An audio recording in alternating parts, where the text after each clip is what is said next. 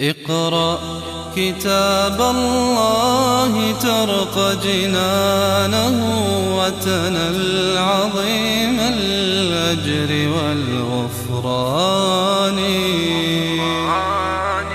رتله روي القلب من نفحات. بعد ذلك يأتي العتاب من الله سبحانه وتعالى بعدما سجل القصة. إن تتوبا إلى الله فقد صغت قلوبكما. المخاطب بقوله تتوبا من؟ عائشة و وحفصة. عائشة وحفصة. إن تتوبا إلى الله. ومجرد ذكر التوبة معناه أنه قد صدر منهما ما يستدعي التوبة والتوبة تكون من الكبائر وتكون من الذنوب وتكون من الصغائر وتكون من اللمم. بل حتى التوبة قد تكون من ترك من فعل المكروه أو ترك المستحب. فهو باب واسع والله تعالى يقول وتوبوا إلى الله جميعا أيها المؤمنون. لكن ها هنا المبادرة بذكر التوبة وعرض التوبة يوحي بأن الأمر قد صدر منهما ما يستوجب ذلك وهو إفشاء سر النبي عليه الصلاة والسلام. طيب هذا ما يتعلق بحفصة. طيب عائشة ما ما ما ذنبها حين يطلب من تطلب منها التوبة؟ ما الذي بدر منها؟ حفصة أفشت السر. أما عائشة؟ فما ذنبها؟ أيوة. أي متلقي. حفصة مرسل وعائشة مستقبل. والمستقبل هنا له دور. يعني مثل الإنسان الذي يغتاب والذي يسمع الغيبة. ولهذا العرب يقولون السامع الذم شريك له ومطعم المأكول كالآكل. مقالة السوء إلى أهلها أسرع من منحدر سائلي ومن دعا الناس إلى ذمه ذموه بالحق وبالباطل. فعائشة رضي الله عنها كانت يعني آه، متطلعة إلى السر وحريصة عليه واستمعت إليه باهتمام وربما استطعمت الحديث وطلبت المزيد من التفاصيل واتفقت وتواطأت مع حفصة على مثل هذه الأمور فأصبحت جزءا من المشهد. ولهذا قال ربنا سبحانه إن تتوبا إلى الله فقد صغت قلوبكما. والآية تحتمل معنيين. المعنى الأول إن تبتم فقد مالت قلوبكم إلى الحق والتوبة تجب ما قبلها. هذا معنى. المعنى الثاني إن تتوبا إلى الله فقد صدر منكما ما يوجب التوبة وهو صغو قلوبكما. ولهذا في آه، في آه، بعض الصحابة كان يقول فقد زاغت قلوبكما. اذا المعنى الثاني إن تتوبا إلى الله فثمة ما يستدعي التوبة وهو أن قلوبكما قد صغت. يعني اندفاعكما إلى مثل هذا الأمر ودخولكما في هذا القصة مع النبي صلى الله عليه وسلم واتماركما عليه هو أمر من ميل القلوب إلى غير الحق. يوجب التوبة. فهذا معنى قوله فقد صغت قلوبكما يعني جرى من قلوبكما ما يوجب التوبة وهنا لم يقل قلباكما لأن فيها آه، شدة وصعوبة يعني في النطق فيما يتعلق بذكر مثنيين في كلمة واحدة. فقال قلوبكما لأن الاثنين هي أقل الجمع عند العرب. فقد صغت قلوبكما. هذا إن تتوب إلى الله وهي دعوة قوية وصريحة إلى التوبة. وإن تظاهر عليه يعني تصرون على مثل هذا ويتكرر منكم هذا الفعل في حق محمد عليه الصلاة والسلام. فما هو الحكم؟ انظر الإعجاز لم يتحدث عنهما بشيء. وإن تظاهر عليه فإن الله هو مولاه. وهنا قال في البداية أصلا قال والله مولاكم. فكرر المعنى. الله هو مولاه هو حسبه وكافيه وربه وحافظه ومتولي أمره. هذا معنى ما فما بالك إذا كان الله تعالى مولاه؟ فمعناه أن كل من يقف في صف آخر غير صفه فقد يتعرض لعقاب الله. فإن الله هو مولاه. وجبريل النبي الرسول الرسول الملكي الذي يأتي بالوحي من الله عز وجل وهو عظيم من عظماء الملائكة وجبريل وصالح المؤمنين. تحتمل أن تكون وصالح المؤمنين مفرد يعني والصالحون من المؤمنين أولياء له. المفسرون قالوا وصالح المؤمنين أبو بكر وهذا صحيح.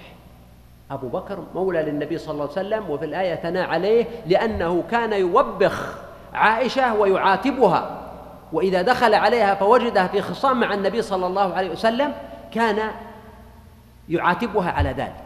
وبعضهم قال عمر وعمر أيضا صحيح فهو من صالح المؤمنين وكان يدخل على النبي صلى الله عليه وآله وسلم فإذا وجد حفصة عاتبها ووبخها وطالبها بأن آه، تحرص أكثر وأكثر على طاعة النبي صلى الله عليه وسلم وخدمته وتيسير أمره وجعل بيته آه، سكنا. حتى إن قوله تعالى عسى ربه إن طلقكن الآية القادمة كانت من موافقات عمر كما في صحيح البخاري. كان يقولها لحفصة إن طلقك النبي صلى الله عليه وسلم أبدلك الله تعالى خيرا منه. إذا عمر من صالح المؤمنين. فالآية إثبات لفضل أبي بكر وإثبات لفضل عمر وإثبات لفضل الصحابة رضي الله عنهم لأنهم هم من صالح المؤمنين أيضا فوصفهم الله تعالى بالإيمان وليس الإيمان فقط بل والصلاح. وصالح هنا وإن كانت مفرد إلا أنها تعني الجمع. ولكن يحتمل أن تكون وصالح المؤمنين. وحذفت الواو من الكتابة كما في قوله تعالى فليدعو نادية سندعو الزبانية. كتبت عين بدون واو سندعو. فهذه كتابة المصحف يحتمل أن تكون كذلك. المهم أن صالحي المؤمنين أيضا هم معاونين وموالين وفي صف النبي عليه الصلاة والسلام. والملائكة بعد ذلك ظهير. كلهم ليس جبريل فقط وإنما جمع الملائكة. ذكره صلى الله عليه وسلم في الملأ الأعلى. فبعدما انتهى من أهل الأرض ذكر أهل السماء. إذا أهل الأرض وأهل السماء في صفه عليه الصلاة والسلام. وكلهم ظهير. ظهير يعني ظهراء مثل قوله تعالى وحسن أولئك رفيقا. ليس المقصود رفيقا واحدا وإنما رفقاء فكل هؤلاء مع النبي صلى الله عليه وسلم. ففي ذلك تحفيز ودعوة أمهات المؤمنين إلى أن يكونوا في هذا الصف. الصف الذي الله تعالى مولاه وجبريل مولاه وفي صالح المؤمنين أن يكونوا هم كذلك. وهذا حقيقة في عدة دروس وعدة إيماءات الإيماء الأول فيه مقام أزواج النبي صلى الله عليه وآله وسلم. وأننا وإن كنا نقرر القصة والقصص التي حصلت والتي تؤكد أن بيت النبوة بيت بشري وأنه يمكن أنا وأنت نستفيد مما يجري في هذا البيت ونعتبر به إلا أن ذلك لا يبخس أمهات المؤمنين حقوقهن وفضلهن وأن الله تعالى اختارهن.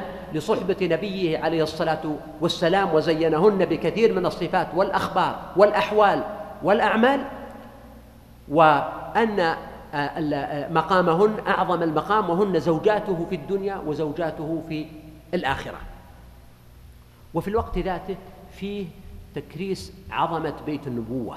وجلالة قدره وشأنه وأن كل ما يؤثر فيه يؤثر في المسلمين جميعا حتى ينزل القرآن من السماء يتحدث عن بعض هذه التفاصيل. ثم يقول سبحانه استمرارا في العتاب عسى ربه إن طلقهن إن طلقكن وعسى من الله واجبة كما يقول العلماء. يعني إذا قال الله تعالى عسى فهو أمر متحقق. ولكن الأمر هنا معلق معلق بإن طلقكن والنبي صلى الله عليه وسلم لم يطلق وإنما قصار الأمر أنه عليه الصلاة والسلام آلى من نسائه شهرا يعني حلف أن لا يدخل عليهن أن لا يعاشرهن شهرا كما هو معروف فلما تمت تسعة وعشرون يوما دخل النبي صلى الله عليه وسلم على نسائه. وكان الصحابة رضي الله عنهم يبكون حتى يعني أكابر الصحابة. لأن هذا الحدث جلل. بيت النبوة ليس بيتا عاديا. نعم هو بيت بسيط متواضع في بنائه. ولما هدمت حجرات النبي صلى الله عليه وسلم حجرات أمهات المؤمنين في عهد عبد الملك بكى الناس بكاء مرا وبكاء شديدا. وقالوا له ليتك لم تهدمها حتى يعرف الناس كيف كان يعيش النبي صلى الله عليه وسلم وكيف كان يعيش أزواجه عليه الصلاة والسلام. كان البيت لا يتسع إذا قام النبي صلى الله عليه وسلم ربما ضرب السقف رأسه وإذا آه، جلس آه، كان كانت عائشة رضي الله عنها تمد رجلها فإذا أراد أن يسجد غمزها فقبضت رجلها ليصلي في مكانه. ومع ذلك كان هذا هو هي هذه هي البيوت التي يعني أذهب الله عنها الرجس وطهرها تطهيرا ليؤكد أن القصة ليست فقط ماديات وقصور فخمة وبناء مشيد. وما وأمور استهلاكية وإنما أهم شيء البيوت التي تؤسس في داخل القلوب. أذكر هنا امرأة كانت تريد أن تتزوج آه، فتى فكانت تقول لأهلها أنا أريد هذا الرجل. قالوا رجل فقير وبسيط ومتواضع. قالت أنا لو أسكن معه في عش يكفيني أنني أعيش مع هذا الإنسان.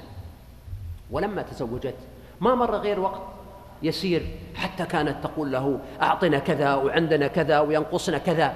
فكان يقول لها يعني قالت له بيتنا أصغر بكثير من بيت الجيران نحن نعيش في شقة ضيقة.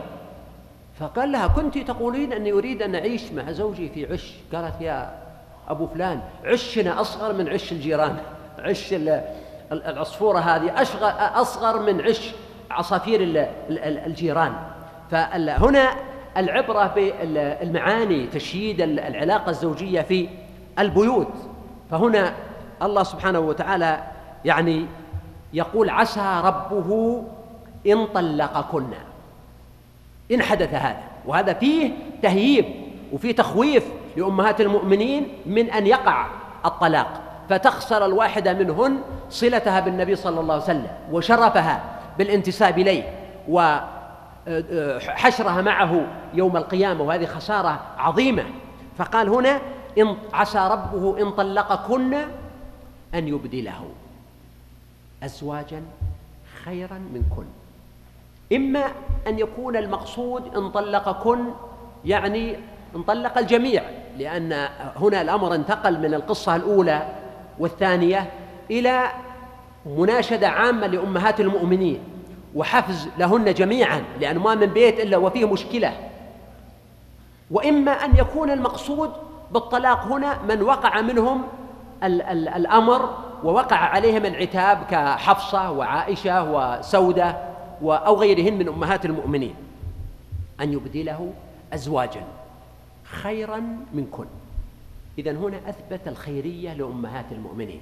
ولهذا نحن نقول إن محبة أزواج سيدنا محمد صلى الله عليه وسلم إيمان ونحبهم أكثر مما نحب أمهاتنا وأهالينا لأنهم أزواج النبي صلى الله عليه وسلم. وكما قال بعض الصحابة عن عائشة إنها زوج النبي صلى الله عليه وسلم في الدنيا والآخرة. فنحبهم لحب الله ولحب رسول الله أحبهم لحب الله حتى أرجي أن أنال بهم هويا وكما أننا نعتقد أنه النيل من زوجة أي واحد منا بالبهتان أو الوقيعة أو التنقص في كتاب أو مجلس أو موقع إلكتروني أو قناة فضائية. أن ذلك إساءة وحط من قدر الإنسان فنقول من باب أولى وأعظم أن النيل من أزواج النبي صلى الله عليه وسلم هو نيل من مقام النبوة ومن قدر النبي عليه الصلاة والسلام فهن أزواجه في الدنيا والآخرة. ولهذا قال أن يبدله أزواجا خيرا منكن فهذا وصف لهن بأنهن خيرات ولكن يأتي من هو خير منهن وأفضل منهن. هن فاضلات ويأتي أفضل. أن يبدله أزواجا خيرا منكن في حالة حصول الطلاق. ثم بدأ في ذكر الصفات التي تحققت في هؤلاء النساء وتتحقق في من يبدله الله تعالى لو طلقهن. فقال مسلمات. فبدأ بوصف الإسلام والإسلام هنا الأعمال الظاهرة يدل على الأعمال الظاهرة. لماذا؟ لأنه عقب بقوله مؤمنات. فدل هذا على الإيمان في القلب وقد يكون الإنسان مسلما ولا يكون مؤمنا. الإسلام درجة والإيمان درجة أعلى وأكمل منها. فإذا ذكر الإسلام والإيمان معا دل الإسلام على عمل الظاهر ودل الإيمان على عمل القلب. مسلمات مؤمنات قانتات. القنوت هنا زيادة العبادة والطاعة كما قال سبحانه ومن يقنت منكن لله ورسوله وتعمل صالحا نؤتها أجرها مرتين. يعني الإكثار ولذلك قال بعضهم القنوت هو قيام الليل. وقد يكون هذا من باب المثال فإن المقصود بالقنوت هو أن يكون القلب موصولا بالله سبحانه وتعالى بالحب. وهنا من الأشياء اللطيفة أنه بعض الناس يخلطون ما بين القنوت بالتاء وما بين إيش؟ القنوط. مثل مرة واحد لما كانت بعض الأحداث اللي حصلت واحد جاء للإمام يقول يا يا إمام ورا ما تدعو دعاء القنوط؟ طبعا ما هو دعاء القنوط. القنوط يعني هو اليأس وإنما القنوت يعني الخضوع لله سبحانه وتعالى والتضرع إليه. ثم قال تائبات. والتوبة هنا تعريض وتذكير بوجوب التوبة عليكن يا أيتها النساء يا أمهات المؤمنين من دخلنا في القصة إذا لم تتوبوا يأتي الله تعالى بمن هو خير منكم وأصدق توبة. تائبات.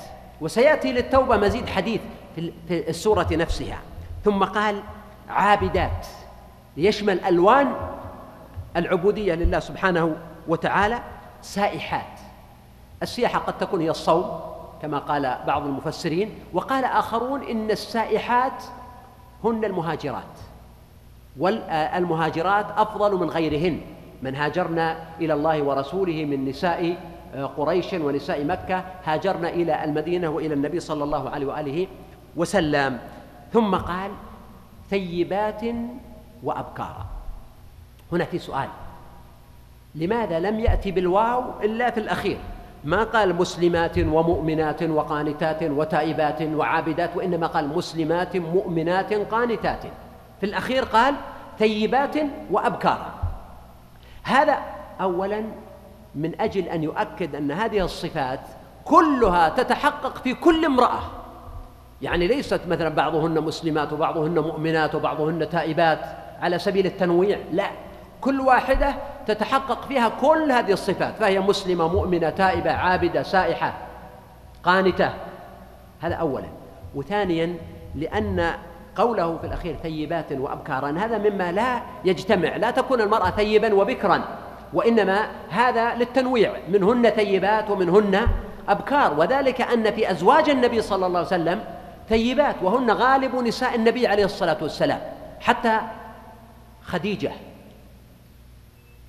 قد تزوجت قبله عليه الصلاة والسلام. وإنما تزوج النبي صلى الله عليه وسلم عائشة وحدها بكرا فقط.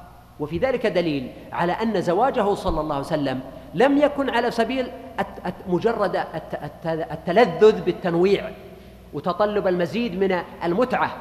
وإن كانت المتعة جبلة في الإنسان ولا يلام الإنسان بحد ذاته على البحث عنها فيما أحل الله عز وجل. وإنما أن ذلك كان لمقاصد عظيمة من أهمها نقل الرسالة وخصوصيات الرسالة في داخل البيت وأحوال الزواج وأحوال المعاشرة والوضوء والغسل والمعاملات وغيرها مما لا تستطيع القليل من النساء أن تقوم بمثل هذه الأشياء بخلاف قضايا الرجال فإن كل أصحاب النبي صلى الله عليه وسلم يتوفرون على معرفتها ونقلها. فهنا الله سبحانه وتعالى وعد نبيه صلى الله عليه وسلم بذلك إن طلقهن. وهذه الآية هي التي وافق فيها عمر القرآن لأنه كان يعاتب حفصة ويقول لا يغرك أن تكون جارتك يعني عائشة هي أوضأ منك وأحب إلى رسول الله صلى الله عليه وسلم. إني أخشى أن يسخط الله عليك لسخط نبيه صلى الله عليه وآله وسلم. وعسى ربه إن طلقكن. فكان يأتي ويردد هذه الكلمة والغريب أن عمر رضي الله عنه يعني من شدة غيرته وحماسه كان يمر على جميع بيوت النبي صلى الله عليه وسلم. حتى قالت له أم سلمة وعجبا لك يا ابن الخطاب؟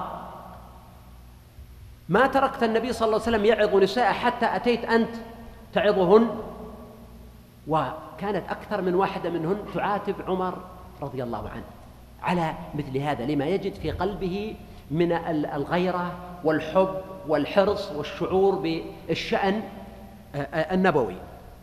ثم الآن هذا السياق إذن كأنه انتهى من حيث الجملة فيما يتعلق بالخطاب المباشر لأزواج النبي صلى الله عليه وسلم. بعد ذلك الله تعالى وسع دائرة السؤال والتوجيه والخطاب. فقال يا أيها الذين آمنوا ليس الخطاب الآن موجها للنبي صلى الله عليه وسلم فحسب. ولا كما قال يا أيها النبي ولا موجها لأمهات المؤمنين كما قال سبحانه إن تتوبا إلى الله فقد صغت قلوبكما. عسى ربه إن طلقكن أن يبدله أزواجا خيرا من كل. لا انتقل الحديث الآن إلى مجمل المؤمنين والبيت البيوت الأخرى المجتمع المدني. اقرأ كتاب الله ترق جنانه وتنل عظيم الأجر والغفران. رتله روي القلب من نفحاته كالماء يروي لهفة العطشان.